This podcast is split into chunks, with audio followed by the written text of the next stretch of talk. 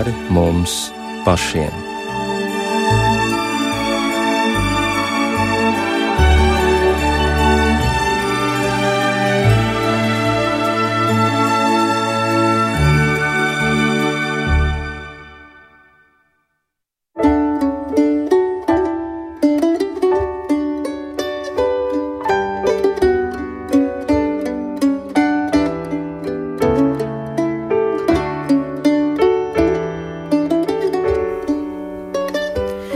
Esiet sveicināti raidījumā pāri mums pašiem, lai ir slavēts Jēzus Kristus. Studijā Inte Zēgnere par skanējumu rūpējas Katrīna Bramberga, bet mūsu raidījuma viesis šovakar ir Salaspils katoļu draudzes prāvests Ilmārs Tolstovs. Labvakar! Labvakar! Un šovakar mēs runāsim par dziedināšanu. Tam, protams, ir eh, biblisks pamats gan vecajā, gan arī jaunajā derībā, kur ir aprakstīti daudzi tādi gadījumi, kad Jēzus ir dziedinājis slimos, pēc tam to darījuši arī viņa mācekļi. Un ir arī dots apsolījums, ka ticīgajiem šīs zīmes ies līdzi, un viena no šīm zīmēm, kā rakstīts, ir neveseliem viņi rokas uzliks, un tie kļūs veseli. Nu, tāds ļoti spēcīgs apsolījums. Un ir īpašs pamats arī, kāpēc mēs par to runājam tieši šajā svētdienā, 11. februārī, jo baznīcā tā tiek svinēta kā vispasaules slimnieku diena, un arī par to mēs parunāsim. Bet vispirms pievērsīsimies svētajiem rakstiem. Tad galu galā, kāpēc Bībelē mēs atrodam tik daudz dziedināšanas gadījumu? Ko ar Dievs ar to ir gribējis cilvēkiem pateikt? Kāpēc tas tik svarīgi? Nu, viss sākās paradīzes dārzā. Līdz grēkā krišanai cilvēkam nebija ne slimības, ne ciešanas, ne nāve. Ādams un Ieva, kad staigāja pa paradīzes dārzu, viņi bija pilnīgā harmonijā, laimē, viņi bija nemirstīgi, viņiem nebija ciešanas, slimības, sāpes, viņi arī staigāja kaili, jo viņiem nebija iekārs, tad nebija grēks. Un tad, kad viņi izdarīja šo dramatisku izvēli, baudot šo aizliegto augli no ļauna un laba atpazīšanas koka, padevās šim sātana vilinājumam, tātad čūskas izskatā ādot šo abulu, viņi piedzīvoja milzīgu krīzi. Šī sākotnējā harmonija izjuka, Un uh, grēka rezultātā pasaulē ienāca ciešanas, slimības, um, katastrofas, arī iekāres, kārdinājumi un beigu beigās arī nāve. Tā kā var teikt, ka globāli skatoties, nevis individuāli, bet globāli, jebkuras ciešanas, jebkuras slimības, jebkuras, jebkuras šie pārbaudījumi, viņi ir šī milzīgā nu, pirmgrēka, jeb šīs grēka katastrofas sekas. Nu, jebkurā gadījumā tā vai citādi cilvēki ar to sastopas dažādās dzīves situācijās, bet kāpēc tomēr ir tā, ka, piemēram, jaunajā derībā mēs varam atrast daudz vairāk šo dziedināšanas gadījumu? Un īpaši, kas attiecās uz Jēzus kalpošanu, tur ir teikts, ka viņš dziedināja visas viņu sērgas. Tā tad nebija tādas slimības, kur Jēzus varētu nedziedināt. Jā, tad mums jāredz atšķirības starp veco un jauno derību, jo vecajā derībā uh, bija klātesošs uh, skatījums uz ciešanām, kas ir mazliet līdzīgs arī pagānu jeb ārpus kristīgiem reliģijiem, kur tika uzskatīts, ka ja cilvēks slimo un cieš, tad tas ir par viņa grēkiem, viņa personīgiem grēkiem, kā grēka sakas, vai, vai viņa dzimtas grēkiem. Tas ir vecajā darbā. Jā, un arī pie dažādām nekristīgiem reliģijām, ne par velti arī senie latvieši, ja kādai ciltī uznāca kāda sērga, eh, kāda slimība, viņi momentāli gāja upurēt dieviem, dievībām, uzskatot, ka tādā veidā ir jāizpērk savi grēki vai jāpielabinās dievībām. Eh, bet tad, kad atnāca Jēzus, viņš eh, šo nu, tādu, varētu teikt, nu, primitīvo, jeb šo iepriekšējo uzskatu, viņš eh, pavērsa pavisam citā gaismā, norādot, ka nē, tā nav, ka tās ir katra cilvēka slikto darbu vai nu, kaut kādu grēku rezultāts, bet tieši otrādi, ka tas izriet no šī. Kā es vēlreiz teicu, šī paradīzes katastrofas rezultātu, un tāpēc viņš ar dziedināšanām vēlējās parādīt, ka Dieva valstība ir pienākusi tuvu klāt, un ka Viņš ir tas, kurš ir nācis atrisināt šo um, nu, paradīzes traģēdiju, pats mirstot pie krusta un augšām ceļoties. Un mēs redzēsim arī šeit, runājot, ka Jēzus dziedināšanas vienmēr ir saistīts ar ticību un ar atgriešanos, ka viņš uzlūko cilvēku kā vienotu veselumu. Ja Jēzus dziedina fiziski, tas vienmēr ir saistīts, vai tu tam tici, atgriezies no grēkiem, tātad um, sakārto savu dzīvi, maina savu dzīvi, uh, tuvojies Dievam, uh, Dieva valstība ir tuvu klāt pienākusi. Jā, tas ir interesanti, ja mēs palūkojamies vēsturē un ja paskatāmies uz šo 11. februāri. Tad kas tad īsti notika 11. februārī un kāpēc tieši 11. februāris ir tagad jau krietnu laiku kā šī vispasaules slimnieku diena. Baznīcā šis datums ir iezīmēts. Nu, šo datumu par slimnieku dienu nosauca Svētais Pāvis Jānis Pāvils II 1992. gadā, bet šis 11. Nu, februāris saistīts ar brīnumainu notikumu mazā Francijas ciematiņā, Francijas dienvidos, Pirenēja kalnu pakājē, Lurdā, kur mazai meitenei Bernadetei Suberu, kas arī ir svētā, 1858. E, gadā parādījās diamāta. Un jāsaprot, ka četri gadi iepriekš, 1857. gadā, tā laika pāvests izsludināja dogmu, jeb ticības patiesību par Marijas bezvainīgu, ka viņa ir nu, bezvainīgi ieņemta. Un Marija parādās šai meitenei, norādot, ka viņa ir bezvainīgi ieņemta. Un tajā pašā brīdī, tajā vietā atklājās avotiņš, Eh, no kura mm, tekošais ūdens izrādījās dziedinošs, jo tie cilvēki, kas viņā mazgājas, gremdējās vai lūdzās pie šīs vietas, saņēma fiziskas dziedināšanas. Bet šajā parādīšanās momentā ļoti svarīgi, ka tad mērķis, kāpēc notika šī diamāta parādīšanās, bija uzsvērt, ka jauno Mariju ir bezvainīgi ieņemta. Tas nozīmē, ko nozīmē bezvainīga ieņemšana, ka jauno Mariju, kad viņa piekrita eņģeļa sludinājumam, būt par uh, pestītāju māti, tātad par dievmāti, tajā brīdī jau viņa pati vēl, var teikt, Annas, tas ir viņas mātes miesās, tika atbrīvota no iedzimtā grēka. Tas nozīmē, pārdabiskā veidā saņēma žēlstības, kuras mēs saņemam kristības sakramentā. Līdz ar to šis lurdas notikums parāda, uh, ka Dieva plāns nav tikai mūs fiziski dziedināt, bet pats svarīgākais - dāvāt atbrīvošanu no tā pirmdzimtā, jeb iedzimtā grēka, kas nāk no Ādama un Ievas laikiem, un norādīt, ka mūsu mērķis ir debesu valstība, ka mūsu mērķis ir mūžīgā dzīve. Ka jebkura dziedināšana, fiziskā dziedināšana, viņas mērķis ir pārdabisks. Jā, bet ar Lurdu un ar šo svētvietu ir ļoti interesanti. No vienas puses varētu tas izklausīties, kā jūs mums te stāstat pasaciņas. Nu, nu kāds avots, nu kāds ūdens, nu kādas dziedināšanas. Tajā pašā laikā ir fiksēti apmēram 7000 gadījumi. Es nesaku, ka tas ir vēl šis gads vai iepriekšējais, bet nu, tas kopums kopš tā parādīšanās brīža un kopš šī avota ir apmēram 7000 gadījumu, uh, par kuriem ir veikta medicīniskā pārbaude, un tajā pašā uh, gadījumā vēl baznīca ir vēl striktāka un vēl skurpulozāka precīzāk pārbauda visus šos gadījumus, lai tikai nebūtu nekādas fikcijas.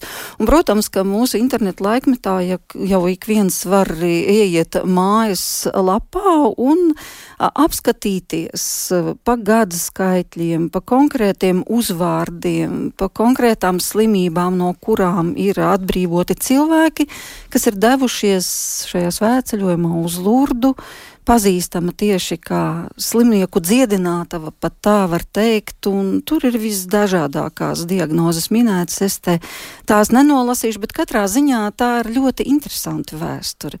Un vēl viena tikpat interesanta vēsture ir saistīta arī ar Edītas Pjafas vārdu, kad uh, jau trīs gadu vecumā tika secināts, ka viņa ir kļuvusi akla, un tad uh, sievietes no bordeļa. Viņu toreiz aizveda pie mazās Terēzes no Lizjē, pie šīs svētās kapa vietas, pie šīs mazās mūķenītes kapa vietas, kur viņa atguva redzi. Un, protams, tā kā Edīta Pjafa ir ļoti slavena, tad šis fakts ir neizdzēšams viņas biogrāfijā, un viņai visa mūža garumā bija kaut kāda īpaša saikne ar mazo Terēzi no Lizjē.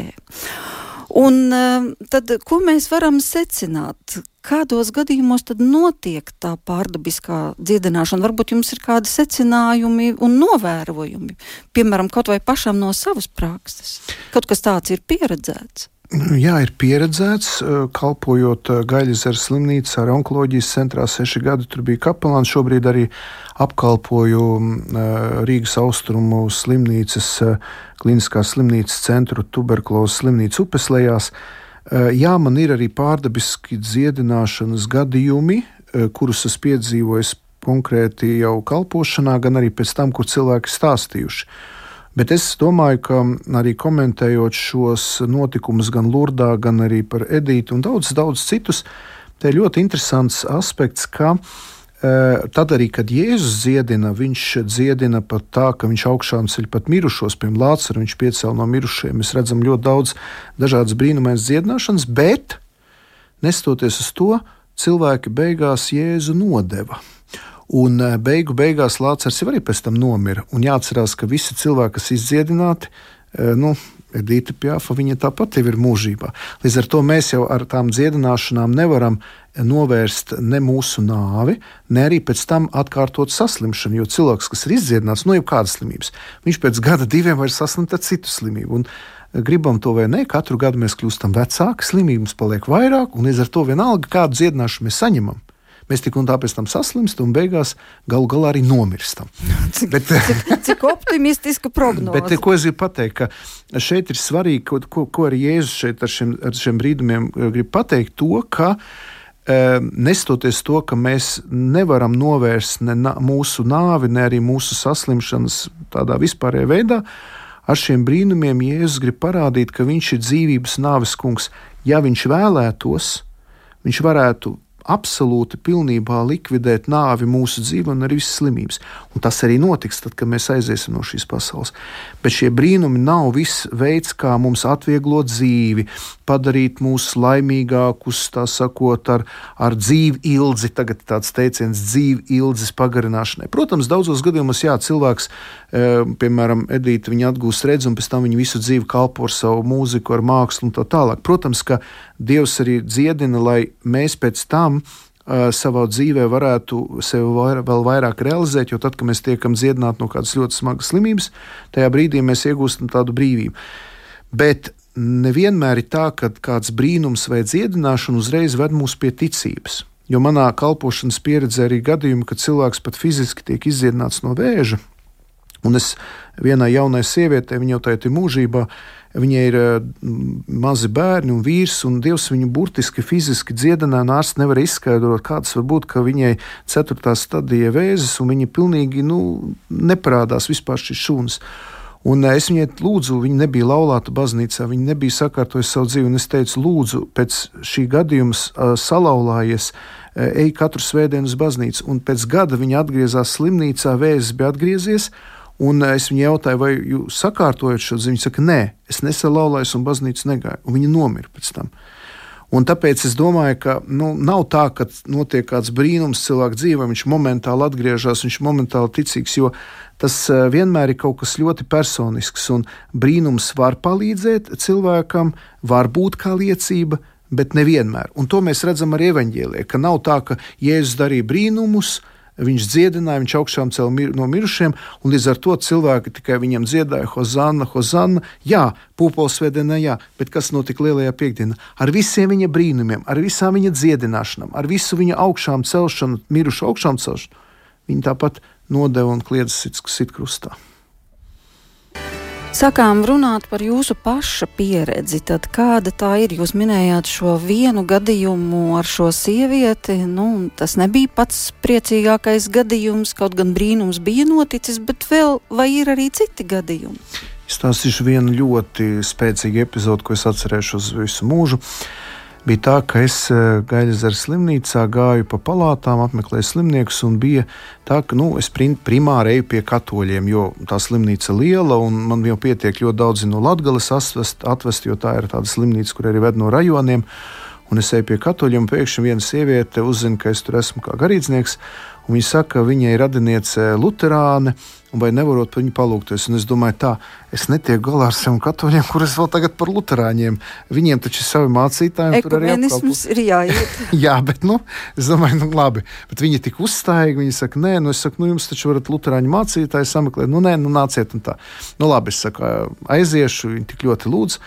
un tas cilvēks gulēja reanimācijā, komā.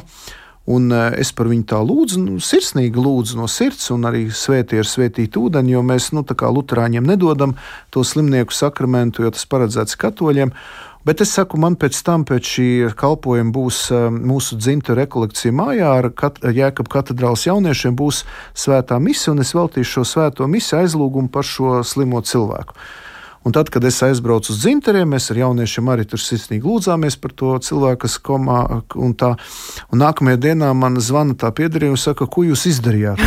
Es domāju, būs kaut kas traks noticis, ko es tur izdarīju. Un, saka, tajā, nu, un, un izrādās, ka tieši tajā brīdī, kad mēs svinējām to svēto misiju, dievkalpojumu, šis cilvēks ir piecēlies no reanimācijas, atvēris acis, noņēmis visus tos vadus un vienkārši piecēlies un aizgājis.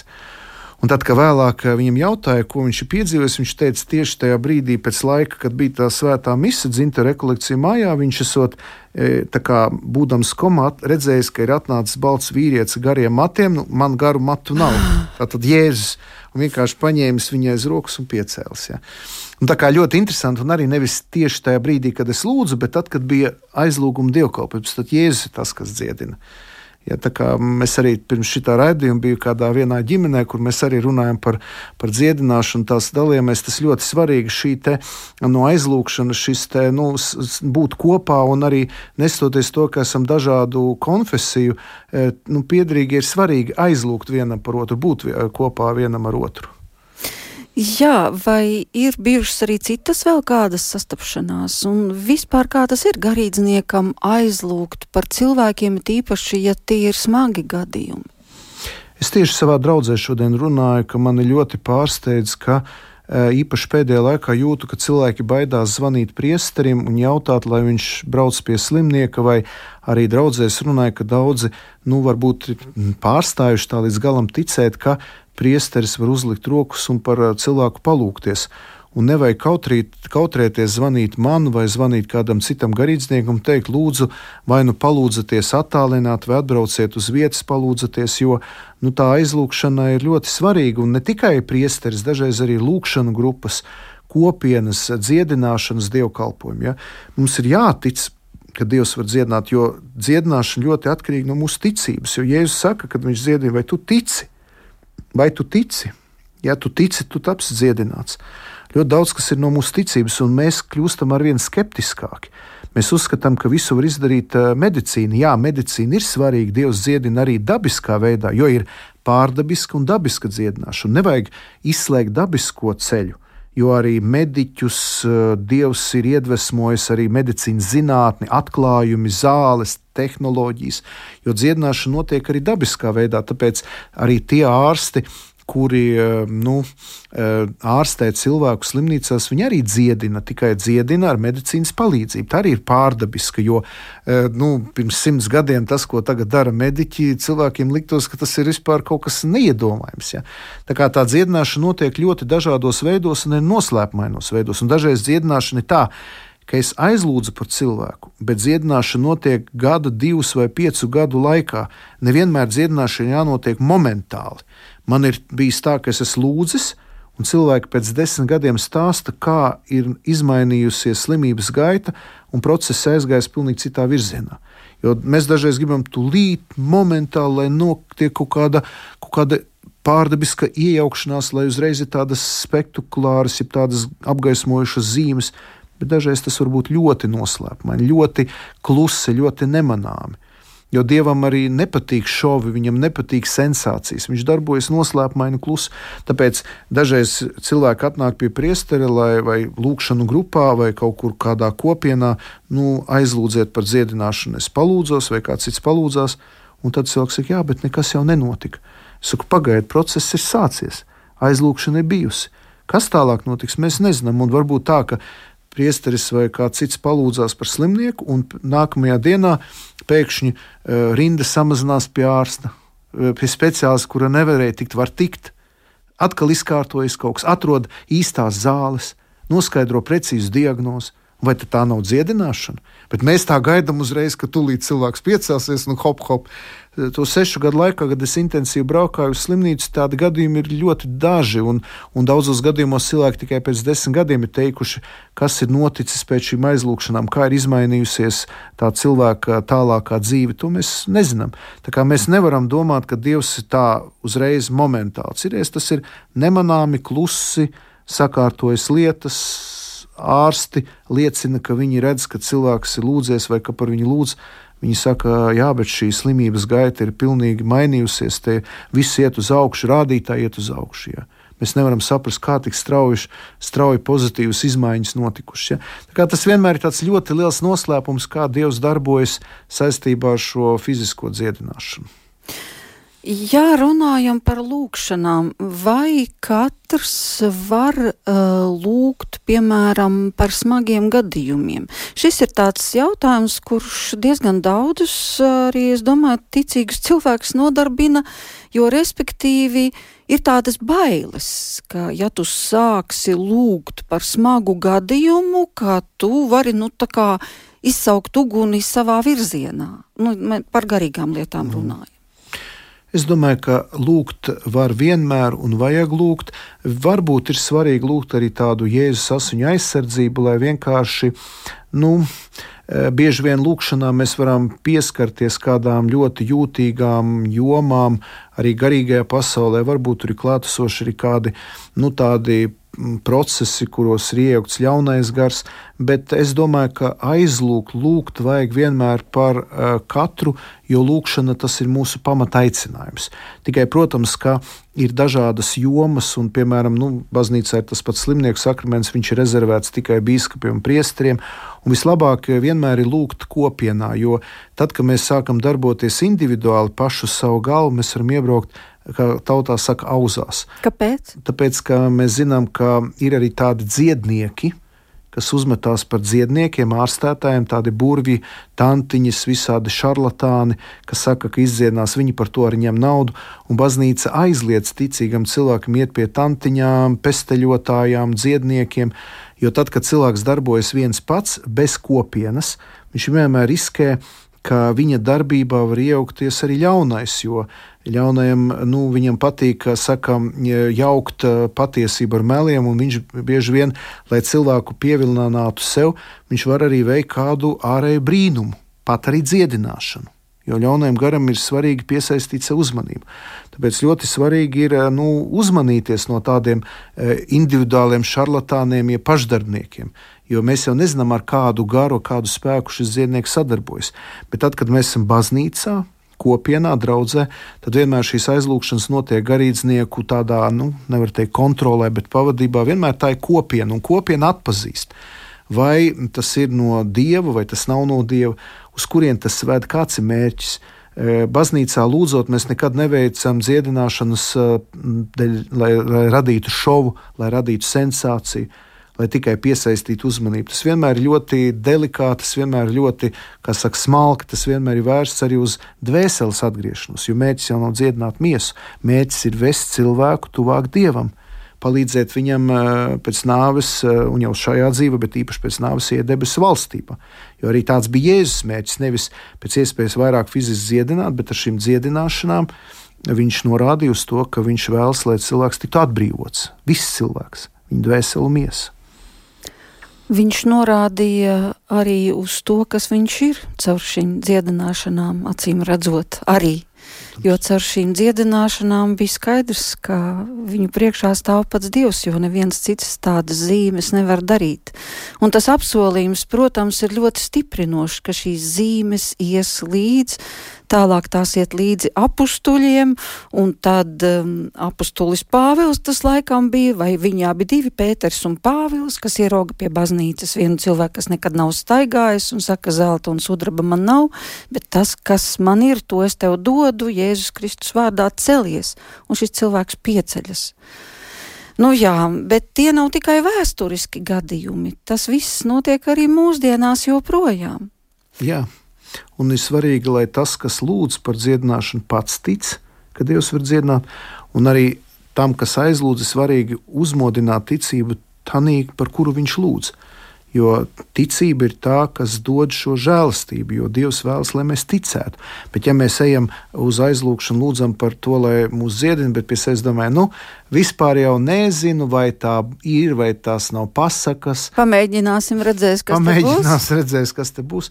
Ļoti svarīgi ticēt. Un man ļoti patika, kad bija savā laikā tēvs Rufus no Indijas. Viņš jau ir mūžībā, kas nodarbojas ar atbrīvošanas kalpošanu. Viņš kādreiz viņš bija eksorcists. eksorcists, bet viņš aizlūdza arī par dziedināšanu. Un uh, viņš teica tā, ka tad, kad viņš toreiz kalpoja Ukrainā, pie viņa cilvēks stāvēja trīs diennaktis dienu un nakti, lai par viņu lai aizlūgtu. Tad, kad viņš bija Latvijā, tad viņš teica, ka nu, Latvijā nebija diennaktis, bet pa dienu viņš bija noslogots. Pa nakti viņam bija brīvs laiks, viņš varēja gulēt. Bet tad, kad viņš bija Skandināvijā, viņš kalpoja tikai vienu stundu, jo pārējie cilvēki pie viņa nenāca. Viņi bija tik skeptiski, tik racionāli, tik attālināti no Dieva un baznīcas, ka viņus tas neinteresēja. Jā, un tad baznīcā jau nu nē, bet arī svētajos rakstos ir šī frāze, lai tev tiek pēc tavas ticības, Jā. vai ne? Turpinām šovakar runāt par dziedināšanu un ko tas īsti nozīmē gan no svētajiem rakstiem, gan arī kā turpinās šis aicinājums, ko Jēzus pats ir devis, šī pilnvara, kā tā turpinās baznīcā. Ko nozīmē šī aizlūgšana par slimniekiem, kā tas izpaužas? Tad bez katoļu baznīcām mums ir viens no septiņiem svētajiem sakramentiem, kas saucās slimnieku sakraments. Vēl pirms 50 gadiem to sauc par pastro svaidīšanu, šobrīd mēs to saucam par slimnieku sakramentu, un mēs atrodam šim sakramentam biblisku pamatojumu. Jēkab vēstulē 5. nodaļā teica, ja kāds no jums nevesels, lai aicina baznīcas priesterus, presbiterus, vecajus, un lai tie par viņu aizlūdz svaidību no viņa reļām kunga vārdā ticīgā lūkšana slimnieku glābs, un ja viņš būs grēkos, tad viņam grēki tiks piedot un viņš tiks piecelts. Un baznīca šajā tekstā atrod pamatojumu, kā jau, pirm, jau pašos baznīcas pirmsākumos slimnieki tika svaidīti svētēm eļļām, tā ir olīveļa vai cita tātad auga eļļa, un šajā sakramentā ļoti svarīgi ir roku uzlikšana, tātad bīskapi vai priesteri uzliek rokas, un svaida ar e, pieri un rokas ar e, eļļu, izsakot speciālu tādu svaidīšanas formulu. Kādreiz svaidīja arī vēl pēdas, bet nu, e, koncils tā kā aprobežojas, jo tie grūti, ja ir slimnieks, tad ļoti grūti svaidīt arī pēdas, tad ir rokas un pieri. Un šeit ļoti svarīgi, lai cilvēks būtu žēlastības, svēdaroša žēlastības stāvoklī, tas ir bez smaga nāvīga grēka. Tad būtu ieteicams grēksūdze, ja tas ir nepieciešams, un arī e, slimniekam jāpieņem svētā komunija, ja tas ir iespējams. Ja viņš tur nav komas stāvoklī, ja viņš var pieņemt svēto komuniju. Un svētā komunija, diev, dievgalds, dievmaize, tā, tā ir arī kā vietiks tiem, kas ir uz nāves gultas esošiem, e, tiem jau kā ceļamais. Bet es gribu uzsvērt, ka Agrāk cilvēki nu, šo sakramentu domāja, nu, bija tāds uzsvers, ka tas ir tikai pirms nāves, un cilvēki pat baidījās pieņemt šo sakramentu, domājot, ka, ja viņi pieņem sakramentu, tūlīt nomirs. Tā baidījās. Bet šobrīd baznīca aicina pieņemt eh, šo sakramentu jau vecuma nespējā Arī šodien daudz cilvēku, kas ir vecāki, jau par 60 gadiem saņem šo sakramentu, arī tie, kam ir smagas slimības, kam ir varbūt kādas smagas operācijas gaidāmas. Tātad, un šo sakramentu var saņemt atkārtot, ja šīs slimības sācinājums atkal nu, sāsinās.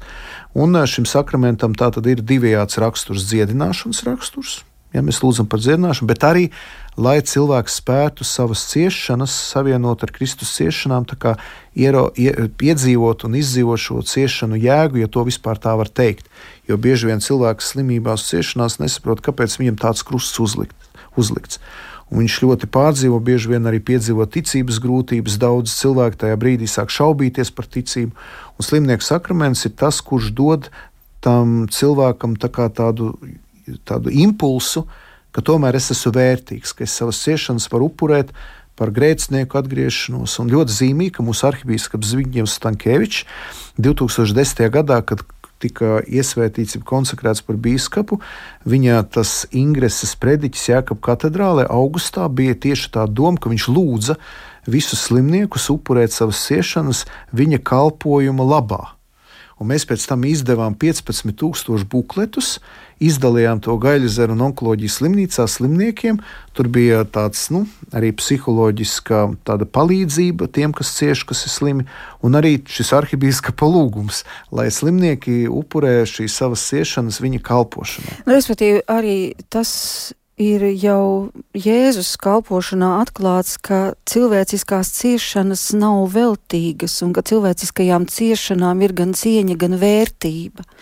Un neskatoties uz to, lai arī cik smagi būtu, bet galvenais saskatīt to jēgu, to vērtību, kāpēc, un, un šo ciešanu upurēšanu par kādu. Tas jo... var būt par bērniem, tas var būt par kādu situāciju, tas var būt tad tas ir tā tāds dārgs trauks, ko nu, tev ir jānes tik un tā, bet tad tu viņu nes kā īpašu vērtību kāda cita cilvēka labā. Tā es saprotu. Jā, un tur ir nu, tas skanēs tagad ļoti smagi.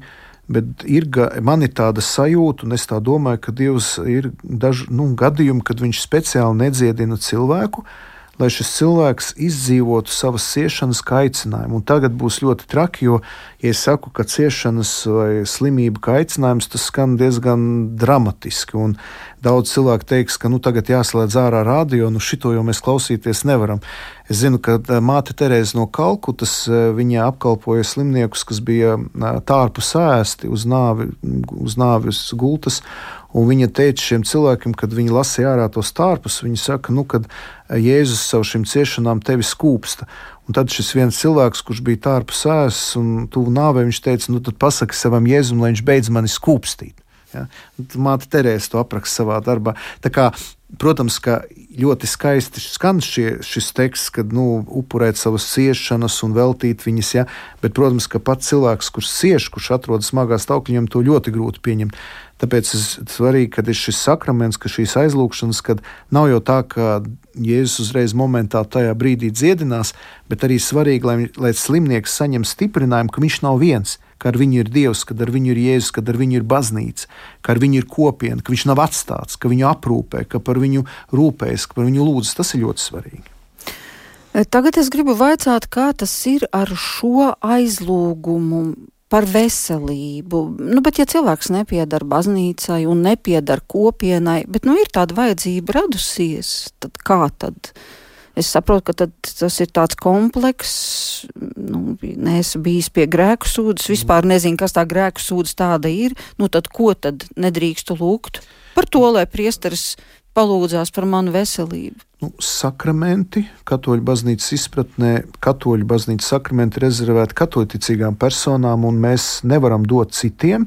Ir gadījumi dažreiz, kad slimnīcā esmu devis šos slimnieku sakramentu pareizticīgiem, jo viņi atzīst e, mūsu sakramentus, un, un ja viņi arī piekrīt šim sakramentam, attiecībā uz Lutāņiem, citu konfesiju kristiešiem, ir gadījumi, kad es esmu devis, ja viņi to ļoti lūdz, un ja viņi, kā saka, atzīst un tic tam, kā tic baznīca. Tātad nāves briesmu brīžos ir bijuši gadījumi, ka mēs esam devuši Lutāņiem, bet tie tādi īpaši gadījumi, kad es redzu, ka šim cilvēkam ir ļoti dziļa ticība un viņš ir gatavs pieņemt šo sakramentu.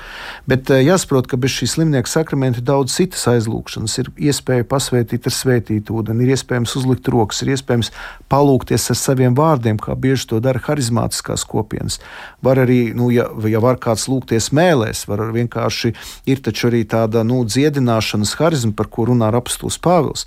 Tā kā iespēja ļoti daudz un ar roku uzlikšanu bez vai arī pašu rožu kroni palūkties, beigu beigās palūgt priesterim nosvinēt svēto misi par veselību. Ja? Un mēs nešķirojam cilvēkus tādā nozīmē. Ja pat slimnieku sakramentu nevar saņemt visi, ko dala katoļu baznīcas priesteris, tad aizlūgums par slimniekiem, aizlūgšana, lūgšanās ir roku uzlikšana iespējama par jebkuru cilvēku, pat arī nekristītu vai arī pat neticīgu cilvēku, ja viņš lūdz. Tā tad netiek atteikts. Nē, atteikts netiek. Jautājums tikai par formu. Ja gadījumā nevar dot slimnieku sakramentu, tad aizlūgšana, lūgšana ir iespējama. Šodien arī man baznīcā e, tie cilvēki, kas, kas varēja pieņemt, viņi pieņēma slimnieku sakramentu, bet pārējiem aiz, e, dievkalpojuma beigās tika dota vispārēja slim, svētība slimniekiem par dziedināšanu, par stiprinājumu. Jā, kāds sakars ir starp garīgo dziedināšanu un fizisko dziedināšanu? Ļoti liels sakars, tāpēc ka mēs varbūt rietumu dažādu filozofiju ietekmē esam atdalījuši cilvēku dvēseli un miesu. Mēs kaut kā sadalām, bet gan ebreji, tad Izraēļa, Izraēļa tauta, gan vispār austrumu tautas cilvēki, viņi neatdala dvēseli no miesas. Mēs arī esam aicināti šādā kristīgās antropoloģijas gaismā uzlūkot cilvēku kā dvēseles un miesas veselumu. Līdz ar to, ja cilvēks sakārto savu garīgo dzīvi, nokristās, iesvētās, salauzās, izsūdz grēkus, tad var notikt arī viņa fiziskā dziedināšana. Otrādi, bieži vien fiziskā dziedināšana var mudināt cilvēku uz garīgu atgriešanos, jo dievam mēs interesējam pilnībā kā veselums, dvēseles miesas veselums. Tāpēc nevar teikt, ka tikai dvēseli ir svarīga, miesa nav svarīga, lai ar miesu notiek, kas notikdams. Bet, ja mēs fiziski ciešam, ir grūti arī lūgties. Ja cilvēks, kas ir smagās ciešanās, viņam arī ir grūti saprast, kāds tad ir Dieva plāns viņa dzīvē. Tāpēc ir ļoti svarīgi, lai mēs lūdzam par, gan par garīgo, gan par fizisko dziedināšanu, lai mēs uzlūkojam cilvēku viņa veselumā, tādu, kādu mūsu katru radījis Dievs. Nezinu, vai par sevi varat teikt, ka kādreiz esat dziedināšanu piedzīvojis? Jā, es esmu piedzīvojis, bet arī, kā es uzsvēru, tas ir noticis arī caur ārstiem. Es esmu lūdzis un es esmu ļoti sajūtis to. E, ir bijuši daži gadījumi, kad esmu bijis slimnīcā, kad ir tāda pārdabiska dieva klātbūtne, un kā tautā saka, viss gāja kā pa sviestu. Ja? Tā kā es gribu uzsvērt, ka ir jāiet ir pie mediķiem, un ja pie mēs saslimstam, tad nevajag tā, ka, o, es pie ārsta neiešu, Dievs man dziedināšu, tagad tikai par mani lūgties, tikai aizlūgt. Vispirmām kārtām ir jāatcerās, ka Dievs primāri darbojas dabiskajā sfērā. Ārsti, medicīna, zāles, tehnoloģijas, visu, ko Dievs ir devis. Jo arī medicīniski, jeb tā saucamā dabiskā dziedināšana pēc būtības ir pārdabiska, jo dabiskais un pārdabiskais šai pasaulē iet roku rokā. Tāpat kā sakraments, ko nozīmē neredzama dieva svētība caur redzamu zīmi. Kristībās ūdens, nezinu, evaharistijā maize, eļļas, ja, caur redzamiem elementiem mēs redzamam, saņemam neredzamu dievu žēlstību. Tāpēc nevajag visur uzreiz meklēt, ka būs uzreiz pārdabiski elementi, kaut kāda gaisma, kaut kāds, nezinu, daudz lietas notiek dabiski. Tāpēc pirmais ir dabiskais līmenis, caur to ļoti spēcīgi darbojas Dievs. Un tad, ja dabiskais ir izsmelts, piemēram, Lielākoties tas jādara paralēli. Es eju dabisko ceļu, es eju pie ārsta, es eju e, visas terapijas, izmeklējumus, vispār, bet es paralēli lūdzos par to, lai nāk dieva žēlstība un svētība. Bet, nu, protams, tajos gadījumos, kad medicīna ir bezspēcīga, viņi pasaka, ka viss mūsu robežas tālāk ir beigušās, tad, protams, atliek pārdabiskais. Bet es negribētu, ka mēs nodalām to, ka mēs sakām, tagad būs tikai pārdabiskais, tagad tikai dabiskais, jo tas iet roku rokā. Jā, pēkšņi atcerējos, Latvijā kalpoja kāds brīnišķīgs mūks, Dominikāņu mūks, tēvs Alberts, laikam bija viņa vārds. Un viņš kā jauns garīdznieks armijā būdams vēl nebija iesvētīts par garīdznieku, bet bija saņēmis spēcīgu apstarošanu un burtiski jau gulēja uz gultas un jau bija attaicināti vecāki, lai viņam brauc pakaļ jo viņš ir uz aizies, aiziešanu, nav nekādu variantu.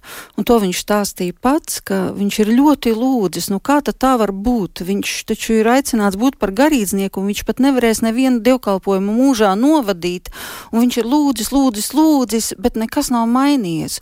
Un tad vienā brīdī viņš ir to savu gribu palaidis vaļā un pateicis, ah, lai Dievs dara, kā grib. Un tajā brīdī ir šī dziedināšana notikusi. Un viņš pēc tam vēl, es neatceros, tik, cik gadus, bet krietni daudz vēl savā dzīvē nokalpoja. Protams, kā garīdznieks. Jānis Agloniets, viņš ir Salaspils katoja draudzē izdarījis ļoti daudz. Varētu teikt, ka mana draudze, kurai es kalpoju, tā ir arī Jāņa Agloniešu mūžīgo mieru draudze, un manā Salaspils draudzē visi viņi atcerās labu vārdu un ar, atcerās viņa smaidu, un varētu teikt, jā, ka mana Salaspils draudze, viņa ir šobrīd tāda, pateicoties arī Jāņa Aglonieša smaidam, eh, piemēram, ticības liecībai, sirsnībai, un es vienmēr būšu pateicīgs viņam. Viņš arī man bija pasniedzējis. Viņš vienmēr teica, brālīši, brālīši. Un, nu, var, jā, var redzēt, ka Dievs vēlējās, lai viņš paliek šajā pasaulē un lai kalpo. Un daudzos gadījumos arī dziedināšanas notiek, tāpēc, ka Dievs redz, ka šim cilvēcim vēl nevajag aiziet, vai šim cilvēcim jau nevajag palikt uz gultas, ka es viņu piecelšu no gultas, vai nu, atbr, nu, novērsīšu viņa nāvi, lai viņš vēl pa šito zemīti paskraida, padarbojas un kaut ko labu izdara. Jo es vēlreiz gribu pateikt arī tiem, kas baidās no nāves, atcerieties, Mēs neesam izvēlējušies mūsu dzimšanas dienu, tā mums ir dota dāvana, ka mēs piedzimam. Un arī mūsu aiziešanas diena nenotiks ātrāk nekā Dievs to ir paredzējis. Katra mūsu diena šajā pasaulē ir Dieva noteikta. Tāpēc nevajag baidīties dzīvot, nevajag baidīties no slimībām, no problēmām. Tās noteikti bija, ir un būs, bet mēs zinām, ka visa mūsu dzīve ir Dieva rokās. Mūsu Dievs ir dzīvības un nāves kungs, un vienmēr man patīk šī lieldienu slavas himna exultet, ko mēs dziedam lieldienu naktī, kad nāve un dzīvība sadūrās dīvainā cīņā, dzīvības valdnieks kaut krita, tomēr dzīvo un uzvar. Tāpēc mūsu Dievs ir dzīvo Dievs, un viņā visi dzīvo. Un, ja mēs esam ar Dievu, tad eh, neslimībām, ne ciešanām nav pēdējais vārds. Pat ja mēs arī šobrīd, varbūt daudz kas klausās, ir slimību, ciešana, piemeklēta, atrodas dažādās veselības grūtībās, jāatcerās, ka Dievam pieder pēdējais vārds. Jo mēs ticam Dievam, ja mēs viņu pazīstam, ja viņš ir mūsu dzīves kungs un pestītājs, mēs zinām, ka, ja Dievs to vēlēsies, un ja mēs ticēsim, un ja mēs arī vēlēsimies, pēc savas dziedināšanas kalpo Dievam, mēs varam teikt, Dievs, ja tu mani dziedināsi, ja tu man atbrīvos no šīs slimības, es tev kalpošu. Tad Dievs to var izdarīt, bet, protams, ir jātur tas vārds. Un, ja mēs esam tā pateikuši Dievam, tad arī, ja esam saņēmuši dziedināšanu, ja esam saņēmuši atbrīvošanu no slimībām un ciešanām, mums viņam jākalpo. Bet Dievs ir redz to, ka mēs eh, esam tādi, ka mēs sakam, Jā, Dievs, ja tu man izdziedināsi, es tev darīšu to un to. Un tad, kad notiek izdziedināšana, tad pļakšķi nekas nenotiek. Tāpēc mums katram jāizskatās savā sirdī, kas tad notiek manā sirdī. Jo Dievam nav problēmas. Viņš ir tas, kas mums deva dzīvību, viņš ar mums viņu var atņemt. Viņš ir tas, kas vai nu pagarina mūsu dzīvi, vai samazina. Mēs neesam savas dzīves saimnieki. Un arī mediķi viņi paši ir atzinuši, īpaši reanimācijā, ka viņi jau nav tie, kas tur nosaka, kuram cilvēkam dzīvot, kuram mirt. Ne jau mēs esam tie, kas nosaka. Bet, ja mēs uzticamies Dievam, tad ar mums ir milzīgs, es lietošu vārdu resurs, jo Dievs ir bezgalīgs. Viņā ir visa pilnība. Viņš ir tas, kurš var izdarīt visu, ja tikai mēs tam ticam. Un tad varbūt eh, izmantojot to resursu, ka jūs šobrīd esat studijā, aicināšu lūgt par mūsu klausītājiem šovakar. Un arī teikšu paldies jau tagad Salaspils katoļu draudas prāvestam Ilmāram Tolstovam par to, ka atnācāt šovakar un dalījāties savā pieredzē. Kopā ar jums bija Inte Zēgnerē un pie skaņu pults Katrīna Brambergā. Tad lūkšana. Mīļais, uh Kungs, Jēzu Kristu.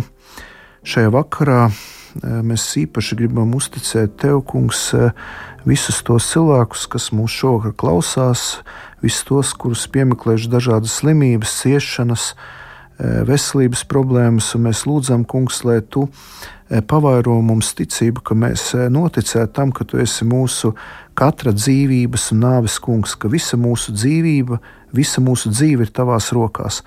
Un mēs lūdzam, lai mēs, nu, lai mēs katrs šajā vakarā atzīstam, ka mēs paši neko nespējam, ka mēs nevaram ne savu dzīvi ne pagarināt, ne samazināt, ka mēs esam tevis radīti un tevis atpestīti. Un lūdzam šajā vakarā, lai tu pieskaries katram no mums, katram no mūsu sirdī, katru no mūsu miesai un arī visām slimībām, problēmām. Ja tā ir tava griba, tad kungs dziedina mūs, dziedina mūs garīgi, arī psiholoģiski un arī fiziski. Eh, bet eh, mēs zinām, ka nevis eh, mūsu, bet tava griba, lai notiek. Mēs uzticamies, paļaujamies tev un es lūdzam, lai notiek tavs prāts un lai notiek tava griba. Un mēs esam gatavi, ja arī šai vakarā caur šo lūkšanu mēs tiksim dziedināti, mēs esam gatavi, kungs, tev kalpot, veltīt savu dzīvi tev un uzticēt visu sevi pilnīgi tavās rokās. Un mēs gribam lūgt tagad tā, kā tu mums esi katru mācījis. Mūsu Tēvs debesīs, svētīts lai top tavs vārds lai nāk tava valstība, tavs prāts, lai notiek kā debesīs, tā arī virs zemes. Mūsu dienascho maizi dod mums šodien, un piedod mums mūsu parādus, kā arī mēs piedodam saviem parādniekiem. un neieved mūsu kārdināšanā, bet atpestī mūs no ļauna, jo tev pieder valstība, spēks un gods mūžīgi mūžos. Āmen!